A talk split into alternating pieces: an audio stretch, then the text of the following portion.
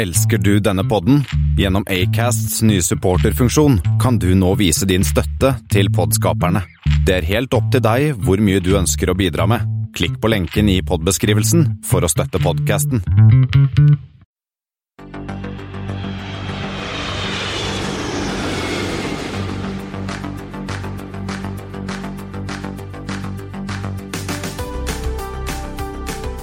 Hei og velkommen til eh, Flight 56 av Flypodden, som vi i dag har kalt Flyplass søker eier.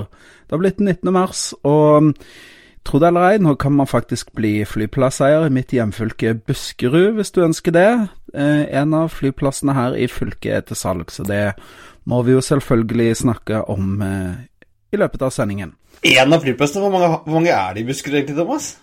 Ja, det, vi liker jo å skryte på oss at det er litt flyplasser her, men uh, dette er vel uh, en av de få, så ja, det er vel den største, faktisk. Så um, yes, nei, men vi kan snakke om den litt senere. Vi skal også snakke om um, trafikktallene for de nordiske flyplassene i februar. Vi skal se litt på status for SAS sine A350-er.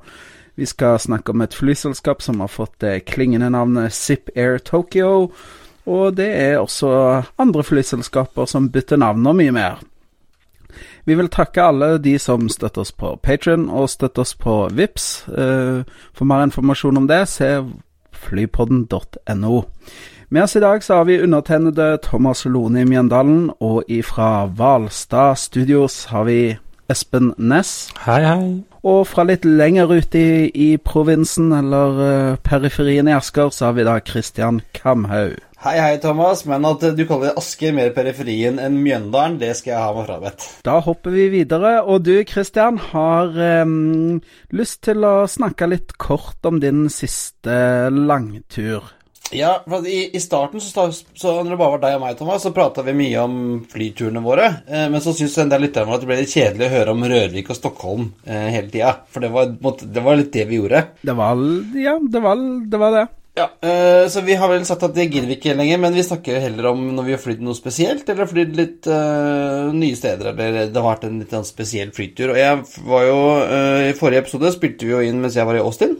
Og da var jeg vel dagen jeg var på vei tilbake igjen. Jeg fløy United fra Austin til Houston, og så videre fra Houston til Frankfurt, og så Lufthansa siste stykket tilbake. Og jeg hadde jo vært flink gutt og fulgt reisepolicy i firmaet og bestilt billigste billett langt bak i bussen. Ja, nei, det, det er flink gutt. Ja, ja, altså, man følger policy. Det gjør man. Eh, men så var jeg så heldig da, at reisebyrået, som så at jeg hadde fulgt policy, syntes jeg, jeg var så flink, så da fikk jeg en gratis oppgradering til denne United Economy Plus.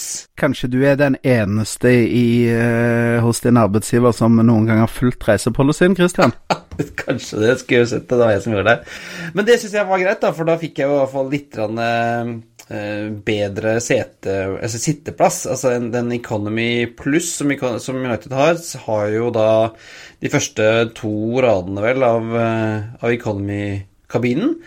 Uh, og litt, litt mer benplass er det jo.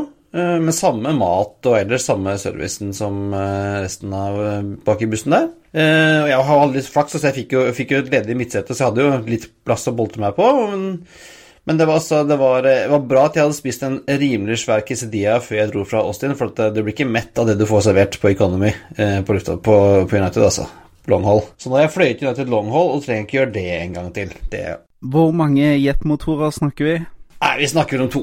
To jetmotorer eh, ble terningkastet der, altså? Ja, eller jeg kan strekke meg til tre, for to er vel det dårligste du kan få. Så, så tre. Eh, for jeg fikk is til dessert, så det var ålreit. Ja, det, det trekker opp. Det, det har vært en ekstra jetmotor. Men jeg tenker vi skal gå videre til noen som definitivt ikke flyr med seks jetmotorer. Vi kan se på Flight 56, som eh, det er jo dagens eh, flight. Eh, da har jeg bare funnet ett eksempel, eller det finnes mange, men jeg har bare tatt med ett eksempel, og det er det eneste eksempelet som er verdt å ta med, tenker jeg i dag. Det er Widerøe Flight 56, og det er jo litt morsomt, for Widerøe har jo Masse flighter som er både tre Ja, de fleste er vel tresifra.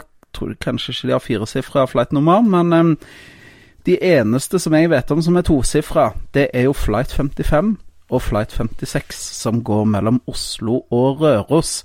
Og den har faktisk jeg flydd, så um, Videre flight 56 der, altså fra Oslo mellom Oslo og Røros. Og um, Røros var en litt morsom flyplass å lande på. Um, ligger jo midt oppe på fjellet der. Den har jo en forholdsvis lang rullebane. Har jo tatt ned 737-er og Bråten som har vært der med 737-er og sånn i sin tid. Så um, de hadde Der satt de faktisk på klapp den gangen, og de de gutta der som var vant med å fly, de fløy jo ut fra Oslo disse Vestlandet og Sogndal og Sandane og sånn, de sa det å komme til Røros og ha en 1700-1800 meter rullebane, det var jo eh, Ja, det var, det, var, nesten sånn at de følte at det ble litt for lett. Ja, jeg har faktisk vært på Røros en gang, jeg også, med Bråtens, for da hadde Bråtens en rute som gikk Oslo, altså Fornebu, da, faktisk. Eh, Røros, Trondheim. Ja, du ser ikke så mye til de typer rutene lenger. Nei, dessverre. Så da, da mener jeg å huske at jeg faktisk har gått Jeg måtte gå av. Eh, jeg må jo gå av flyet for å få notert den som en flyplass. Så da var du eh, ute av flyet, og så ble du med videre igjen til Trondheim? Det er ikke så mye å finne på. Nei, det er det ikke. Men nok om uh, det. Jeg tenker vi må gå litt uh, videre og se på nyhetene, for det har jo skjedd et uh, lass denne uka her òg. Tenker vi kjapt skal Vi snakker jo ganske um, utfyllende om 737 Max-problematikken siste uke. Status er alt alle makser er stort sett parkert. Det er vel noen testflighter fra Boeing som er det eneste som er i lufta i ny og ne, men um, og produksjonen den fortsetter, men eh, leveringene har jo da stoppa opp. Ja, og det er jo Ja, altså de, Boeing dytter jo ut to om dagen uh, oppe i Seattle, så hvor skal de putte alle sammen etter hvert, lurer jeg på? Ja, de må jo da fergefly dem til disse kall det si, ørkenene og sånne ting, for de har visstnok, uh, slik jeg har forstått det, lov til det. Uh, Sånn at på et, for et eller annet tidspunkt begynner det å, å fylle seg opp. De produserer riktignok noen få sånne 800 fortsatt, og noen av disse P8, disse overvåkningsflyene. Eh, men det er jo da ja, det er vel nærmere et sted mellom 40-50 maksmaskiner i måneden som da ruller ut, og de må jo plasseres et sted. Ja, og Det siste jeg hørte fra Boeing Jeg fikk en mail, en mail, fra Boeing i dag, eh, og da skriver de at de er sånn opptatt av sikkerhet og bla, bla, og så sier de nå at de har en sånn software-patch på vei, og så var det vel snakk om noen endringer i opplæring for at folk skulle, skulle skjønne MCAS, da. Ja, det, men det er likevel Jeg tenker ja, greit, de kan få fiksa software og sånn, men det er jo um, Hvis det er sånn som det tyder på nå, at det er MCAS-systemet kombinert med kanskje litt dårlig eh, opplæring-rutine rutiner som har kommet fra Boeing, og litt sånn eh, sviktende opplæring hos flyselskapene, så tenker jeg det er jo allikevel Boeing som sitter igjen med svarteper her. Altså, det er jo de som, eh, som dette går utover, som tenker Ryktet rykte til Boeing har fått seg en alvorlig skrabbe, det vil jeg si. Nei, og eh, noen, som også får litt kritikk, er jo FAA. Eh, fordi at det stilles litt spørsmålstegn med sertifiseringen. Denne Max 77 Max ble vel sertifisert ikke som en ny flytype, men som en variant, og dermed slapp litt billig unna Eh, og så er det sånn at, det sånn at flyprodusentene selv står jo for sertifiseringen av sånn 95% av flyet. Ja, det er kun, det er kun disse her veldig kritiske eh, på en måte komponentene og, og, og, ting som er en 737, som, som FAA eh, selv sertifiserer, da. 90-95% av alle andre systemer som ikke blir regna som kritiske for liv og helse i et fly, det er det Boeing selv som sertifiserer. Og det mener jo en del at eh, kanskje er bukken å passe havresekken. Men så er det jo en sånn Jeg tenker det må jo være en sånn kost-nytte-analyse her òg i forhold til eh, er det vits at FAA skal sertifisere en del som hvis han svikter, har nesten ingen påvirkning på flyvedyktigheten? Kanskje det er litt å skyte spurver med kanon. Jeg vet, jeg vet ikke helt, liksom ja, jeg er litt sånn blanda i den kritikken da selv. Altså, jeg tenker at det ikke er helt riktig kanskje bruk av ressurser at FAA skal sertifisere hver minste bidige del av et fly. Ja, det blir i hvert fall spennende å se hva som kommer fram, for nå skal jo det bli en granskning i USA her, og uh, så kanskje man kommer fram til en konklusjon. Eller så Det er jo litt sånn uvisst hvor lenge de nå skal stå på bakken, og selv om de kommer med en eller annen sånn software og kommer med nye manualer, så er det jo Det er ikke noe de ruller ut, jeg tror, på en dag, så det kan jo fort være at disse flyene blir, eh, blir da stående en stund. Selv om det til nå har jo i og for seg, for Norwegian en del, har jo de klart å løse det sånn ja, relativt greit, eh, når jeg ser på hva de har måttet kansellere, og hvordan de har liksom sydd sammen programmet på nytt. Og så var jo du litt inne på det, Espen, forrige gang, og jeg har jo hørt andre snakke om det også, så er det jo det har jo, uh, Maxen har jo gjort en del endringer med den uh, i forhold til 72800, med større motorer, kraftigere motorer. De har just flyttet plasseringen fordi at de er så store at de ellers vil skrape i bakken. Så det har jo vært snakk om om har de faktisk lagd en maskin som er mindre stabil, som, er, som krever at du har så mye software for å fly den. Uh, så vet, Det kommer til å være litt, litt spørsmål rundt liksom, design også. Da er det plutselig litt mer alvorlig enn en software-patch. da. Ja, det blir, det blir spennende å se uh, hvordan de, hva de kommer fram. Det med litt sjå, som det heter. Eh, men eh, hvis vi beveger oss litt videre til litt mer hjemlige forhold, så har jo eh, en av eh, holdt jeg på å si, to hovedfigurer i eh, Norwegian tatt sin hatt og gått. Eh, Bjørn Skise går av som styreleder i Norwegian. Og du har stilt litt spørsmål om det, Espen. Han, han sa jo at det var frivillig, men hvor frivillig tror du egentlig at det er? Ja, den offisielle historien er jo det at uh, dette var noe han hadde kommet på selv, og dette var noe uh, virket som han omtrent gjorde med glede. Uh, jeg konstaterte at samtidig at aksjekursen var vel nærmere opp 3 i dag på nyheten. Ja, så det var noen som syntes det var det. Ja, og det, det, sies jo, og det er vel mer enn rykter, at det er jo flere aksjonærer som har vært misfornøyd med han. Og kanskje ikke bare han, men den, den veldig tette båndet mellom styreleder og administrerende Bjørn og Bjørn, er jo veldig sånn mm. Ja, det har jo ikke Jeg vil ikke helt kalle han en Kall det seg helt har vært en uavhengig styreleder. Og så er det jo litt ja, jeg, jeg er veldig Man skal beundre hva Bjørn Kjos har gjort i Norwegian, og hva han har bygd opp. Skal, det er veldig stor respekt av det. Men jeg syns nå at både han og Bjørn Kise de virker slitne. De virker, og de er jo ikke unge og lovende lenger. De virker litt sånn, for å si det rett ut, begynner å kanskje nærme seg datomerkinga. Ja, Bjørn Kjos er 72, og Bjørn Kise er 68, så sånn, burde jo pensjonert seg, kanskje. Jeg, jeg, føler i hvert fall ikke det er samme gløden som det var tidligere, og samme liksom driven. Det er liksom mitt sånn ståsted av hva man ser i media uh, osv. Så videre. sånn at uh, det må jo en eller annen fornyelse på gang. På et eller annet tidspunkt er det kanskje greit å ta det litt etappevis. Og så har vi jo fått en ny aksjonærliste, Espen. Den har du kikka litt på?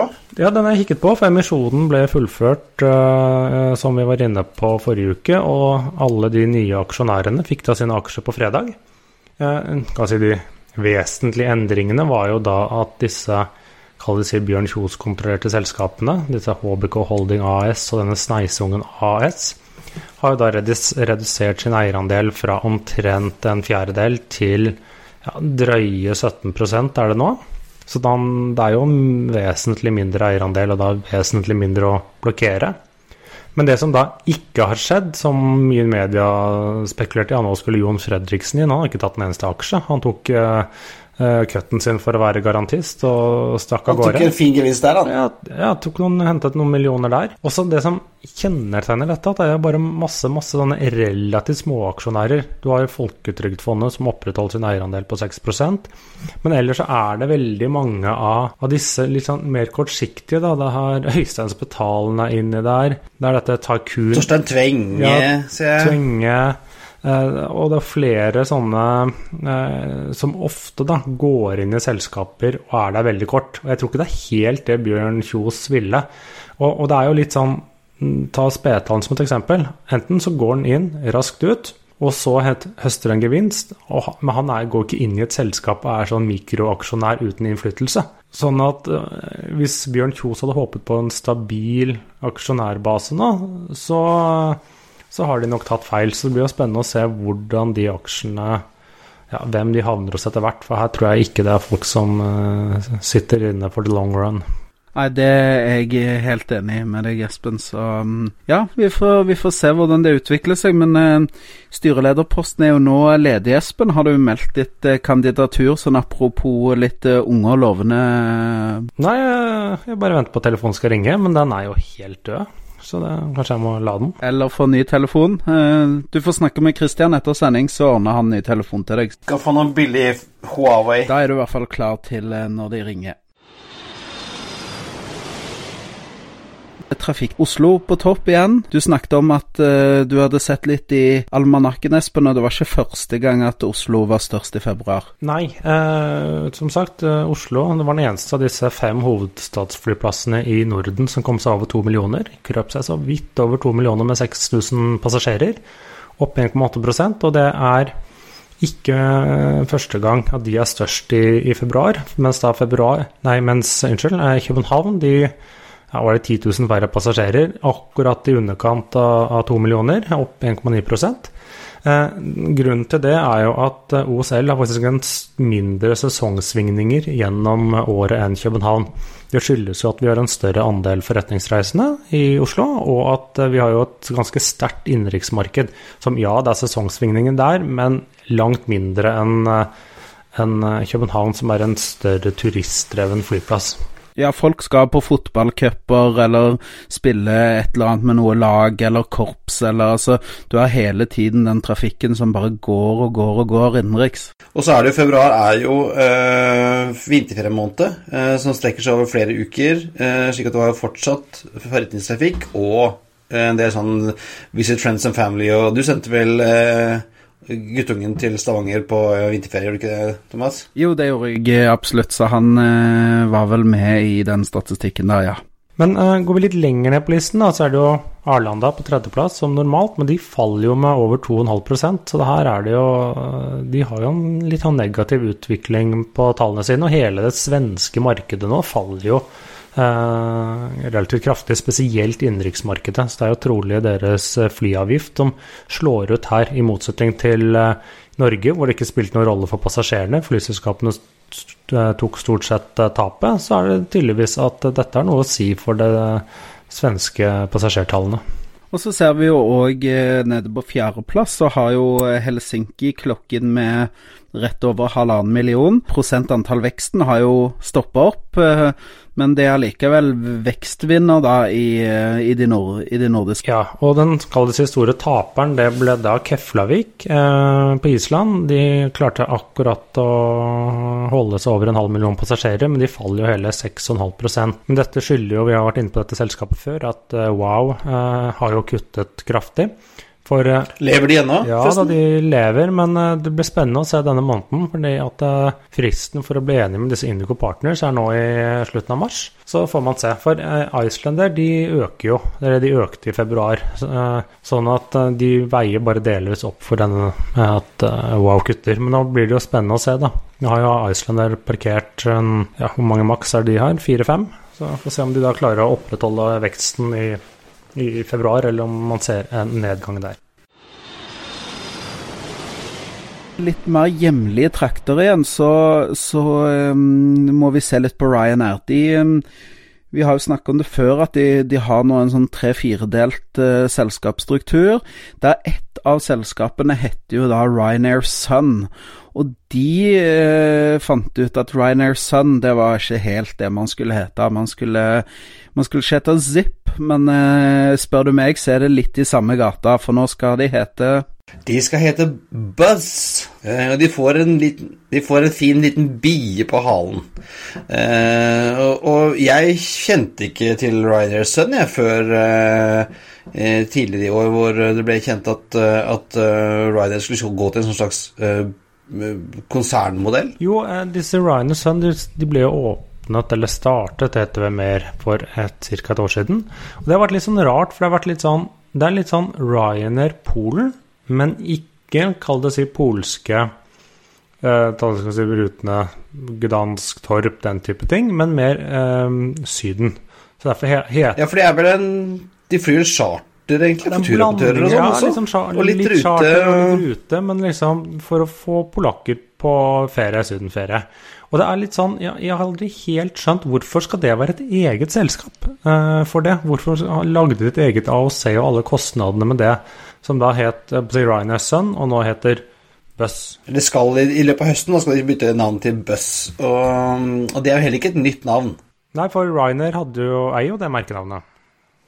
Ja, det gjorde det fordi eh, Buss var jo dette navnet som eh, KLM ga på sin inhouse LCC eh, i 2000. Det het jo tidligere KLM UK, før det het Air UK, et gammelt selskap, egentlig. De fløy sånne gamle BAE 146-300 og noen innleide 737-300, altså, som liksom skulle være KLM sitt low cost-brand, men de fikk det aldri helt til. Eh, solgte det til Ryanair i 2003, som la ned hele driten i 2004 eh, og integrerte det i. Men de har tydeligvis da eh, beholdt merkevarenavnet, da. Um, og de kjører sånn gult interiør og bie på Nesten sånn BCB-bie på, på halefinnen, og det ser jo det ser jo cheap and cheerful ut, i hvert fall. Ja. Det er jo klart. Ja da, men det, det som er mest interessante her, er som det handler jo litt om vi var inne på når vi snakket om Ryanair skulle på denne konsernmodellen, er jo at de nå går jo fra å være ja, Man kan si mye om Ryanair, men de var, man visste hva man fikk. Det var veldig enkelt. Det var, alt var enhetlig.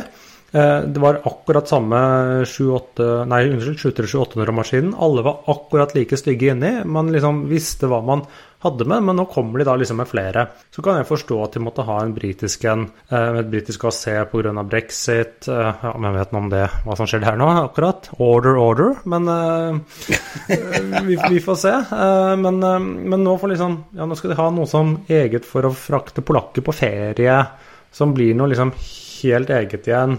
Du har disse Loda Motion da, som de bruker for å fly airbusser. Eh, så er det liksom på vei bort og bli et litt mer sånn komplisert og dyrt selskap. Eh, vil vi se det på sikt? Har de liksom glemt deres oppskrift på suksess? Ja, og et uh, Michael Ray begynner å bli gammel mann, han òg, vet du. Ja, det var nettopp det. De har heller ikke ringt meg. Nei, han har jo bare fem år igjen på, på kontrakten sin. Eh, han jo. eh, og så har han jo sagt en gang at han eh, ville at den som skulle ta overta liksom, Ryanair proper, da, eller hva det heter, DAC, eller hva det heter, skulle være en kvinne, og så skulle komme fra internt i selskapet. Og så har noen sjekka, da, det fins jo ingen sånne. Det fins ingen Den eneste kvinnen i toppledelsen der er en HR-direktør eller noe sånt, um, som kanskje ikke er helt rett person til å være CEO av Europas, et av Europas største flyselskaper. Så han har en jobb å gjøre der. Det har han. Eh, noen andre som har en jobb å gjøre, det er Airbus. Um, vi har fått et lytterspørsmål, uh, eller et ønske, som vi fikk inn per e-post. Der ønsker en oppdatering på hvordan det går med SAS sine A350-er, produksjonen av de. Uh, og det har jo Airbus starta med, og de har litt arbeid igjen for at den første maskinen skal bli levert, eller hva, Espen? Ja, det stemmer. Å bygge et sånt spesielt langdistansefly er jo noe som tar lang tid. Dvs. Si sette det sammen går ganske fort, men de begynner jo å kutte deler og støpe eller hva skal jeg si, valse aluminiumen, eller her er det jo karbonen som skal pakkes og rulles og Spinnes eller noe? sånt? Ja, det er noe sånt noe. Veves? Ja. Men det er i hvert fall Strikkes, da. Det skal strikkes litt karbon. Men SAS sin første da 350, for da vår lytter som lurte på hvordan går det med den. Eh, det som nå er kjent, at den trolig blir registrert som da SERSA så da skal på svensk register. Og den har da byggenummer MSN 358 hos Airbus. Eh, og du kan jo si per i dag så vet man at nå for eh, Air France sin første maskin, den har eh, byggenummer 331. Eh, og den ble det lagt ut bilde fra i dag, hvor jeg fikk påmontert hale og begynte å sette sammen. Og så vet man da at Airbus produserer ti Eh, av 350-maskiner i måneden. Og sånn da rent matematisk eh, så vil det da være to og en halv måned til Airbus skal begynne å sette sammen SAS sin første 350. Eh, gitt at de tar en liten antakelse om at de nå faktisk monterer disse litt kronologisk, som de ikke alltid gjør. Men sånn pluss-minus, og en eller annen gang ut i slutten av mai, så bør vi kanskje begynne å se hvis noen liksom klarer å få noe enten spionbilde selv, eller SAS offentliggjør det selv, bilde fra da de første eh, delene av noe som begynner å ligne et fly. Det er vel september den første skal leveres? Ja, sånn, jeg er litt usikker på om det er september eller oktober, eller når, når det egentlig er. Men det er i hvert fall eh, mot uh, slutten av høsten. Ja, og hvis noen i SAS hører på dette, så er det sånn at vi er ledige for en tur til Toulouse for å hente kjerra hjem. Altså, det er bare å ringe. Vi, vi tar oss fri til det. Men noe annet som også duk, dukket opp i Toulouse nå, er jo da den SAS sin neste og siste Airbus 330-300. De bestilte jo en Ja, de bestilte jo en for et år siden som skal ta over for denne utskjelte LN RKP, denne LAN-maskinen som så helt annerledes og sliten innvendig enn de andre langdistansemaskinene. Så den er jo også nå virkevar i rute, for den ble observert levert da helt nå nylig ute i friluft i Toulouse, med SAS-hale. Riktignok resten umalt, men da tyder på at den også er i rute for en planlagt levering i løpet av mai. Ja, det er litt morsomt det med, med for de kom jo Falen kom jo alltid ferdiglakkert. Ja, det gjør de også delvis på noen eh, Boenger etter hvert også. Og det er jo ikke alle halene heller, så det kommer litt an på selskapene, eller om de planlegger noe nytt livery, eller om de ja, helt hvordan de gjør det. Men det er alltid da lett å se hvilket selskap det flyet skal til. For man ser der vi har lagt ut et bilde av denne hvor du ser denne SAS-halen, så ser du også noen andre fly. Du ser en 350 eh, til Singapore Airlines med Singapore-hale. Men så ser du en hale du ikke helt vet hvem hvilke tilhører, for den er helt hvit. Men så ser du en Japan Airlines-hale osv. Hadde jo hadde vært spennende om det ble noe nytt eh, design på, på SAS når de får 350-ene. Nå har de jo eh, fått nye uniformer, og de har jo gjort en del om på det, det grafiske uttrykket. Der hvor SAS-logoen tidligere alltid var inni den blå firkanten, så er jo nå SAS-logoen enten hvit eller blå eh, utenfor firkanten. Eh, kunne jo vært spennende. Det er jo at den, Dagens design er, kommer 1998, så det er jo og er 20 år gammel, 21 år gammel, så det er vel kanskje på tide å få en, et bytte. Selv om det holder, det holder, seg jo stilmessig, må jeg jo si. Men eh, kanskje på tide å gjøre noe. Det er i hvert fall en gyllen anledning hvis man starter da med de nye A350-ene som skal inn. Så får man jo litt ekstra blest om merkevaren og kan bruke anledningen til å lansere et nytt fargeskjema. Det hadde jo vært eh, ganske så kult. Men dyrt er det jo å bytte. Ja ja, men det skal jo males uansett. Det er en pølse i slaktetida, det, når at du skal kjøpe en eh, åtte nye A350-er, så litt ekstra maling på eksisterende flåte bør gå, gå, greit, tenker jeg. Ja, skal jo, skal jo kaste de gamle 340-ene altså. Ja, ja, ja. Yes, men noe annet som er herlig, det er jo det at det nå, Christian, tenker jeg at eh, Og Espen, har vi ikke gjort det før, så må vi gjøre det nå. Vi er nødt til å starte et aksjeselskap sammen, og vi er nødt til å kjøpe en flyplass her i flotte Buskerud. Buskeruds største flyplass, som er nå lagt ut for salg. Ja, altså det er uh, Den himmelske freds plass, uh, eller Dagali, som nå er til salgs. Det er vel i tillegg til Høgsund City Airport. Uh, det vi har vært, eh, Thomas, er vel en av de to flyplassene i Buskerud? er det det? Eggemoen er, det ganske stor. Altså, ser du Klanten opp på Golsfjellet? ja, uansett. Daglig Airport er til salgs. Eh, 1830 meter rullebanelengde. Eh, men kan ikke bruke mer enn 850 meter ca. Sist gang vi hadde kommersiell trafikk på Daglig, var det var vel i 2003. Ehm, jeg husker plutselig ikke om jeg har landet der. Jeg tror kanskje ikke jeg har det. Jeg hadde, jeg hadde vel et ønske om det. Selges nå for 6,7 millioner kroner. Dette er jo klassisk en utgift til utgiftservervelse, tror jeg, å kjøpe det her. Så jeg, altså, jeg kan jo da vurdere altså Jeg ser at En av naboene mine har lagt ut huset sitt til 6,5 millioner, og det er litt mindre enn mitt. Eh, så hvis jeg selger kåken, så kan jeg da kjøpe meg flyplass. Det er jo drømmescenarioet. Og så kan dere bo i terminalbygget. Det er jo helt, det er jo helt fantastisk. Det er jo et flott eh, Ser på bildet, det er jo et flott terminalbygg òg, så, så kan, du, kan, du, innrede kontrolltårnet som soverom. og dette, Her må du bare engasjere meg som interiørdesigneren, Christian, for dette, dette hadde blitt eh, litt av et eventyr. Altså hvis alle hvis, hvis vi skal sette opp en egen Skal vi sette opp en egen patron på dette her, Thomas? Se hvor mye vi kan, vi kan kickstarte det. Se om vi kan få penger til å kjøpe en flyplass. Det hadde jo vært uh, det ultimate. Men den selges jo, for å liksom gått litt tilbake til saken, selges jo er vel kommunen som begynner å bli lei av å putte penger i et hull. Ja, eh, og jeg tror vel, for å være helt ærlig, jeg tror vel ikke at denne Hvis den blir solgt, så er det vel ikke for å drive flyplass på den. Det kan hende det brukes til andre ting. Det kan være speedway-bane eller whatever. Altså det har ikke akkurat det har, det har ikke vært kommersiell drift der på fly siden ja, 15 år. Spørsmål om det er liv laga. Ja ja, det er sant. Men eh, det er klart, du får mye for pengene. Du får, eh, du får eh, et areal på nesten en halv million kvadratmeter tomt. I tillegg til rullebanen så har jo eiendommen også et flyplasskontor, tårnbygg, ekspedisjonsbygg med tilbygg, et garasjebygg og en midlertidig plasthall. Så jeg tenker at eh, rekkehus eh, inne i Asker eller en flyplass, valget er ganske lett hvis du spør meg. Men eh, det er jo gjerne Ja, det er vel gjerne andre i denne husstanden som, bestemmer, som eh, ikke er så enig. Men, men. Eh, for, og da skal vi gå videre til noen som eh, har brukt eh, mer penger enn 6,7 millioner, eh, Espen. Ja, det er Lufthansa som har vært ute og kjøpt langdistansefly. Eh, nærmere 40 stykker, for å være helt nøyaktig. De har da ytterligere 20 Airbus A350-900 maskiner. Og så har de også da for første gang bestilt 787. 20 stykker av 7 8, 7, 9. Det som er litt sånn kjent, disse 350-ene skal til uh, Lufthansa for å erstatte fly da som blir gamle utover uh, 2020-tallet en eller annen gang. Uh, mens da de 7879 i da liksom Lufthansa sine offisielle pressebilder, eller pressetegninger, eller hva du skal kalle det, så ble de vist både i Swiss Livery, Lufthansa Livery og da Austrian Livery. Så det er jo spennende å se hvor de havner. Det er ikke sikkert at alle tre skal ha, men det er liksom tydeligvis at Lufthansa-gruppen ikke helt har bestemt seg eh, endelig. Men at de i hvert fall fort skal fordeles mellom selskapene i, i gruppen.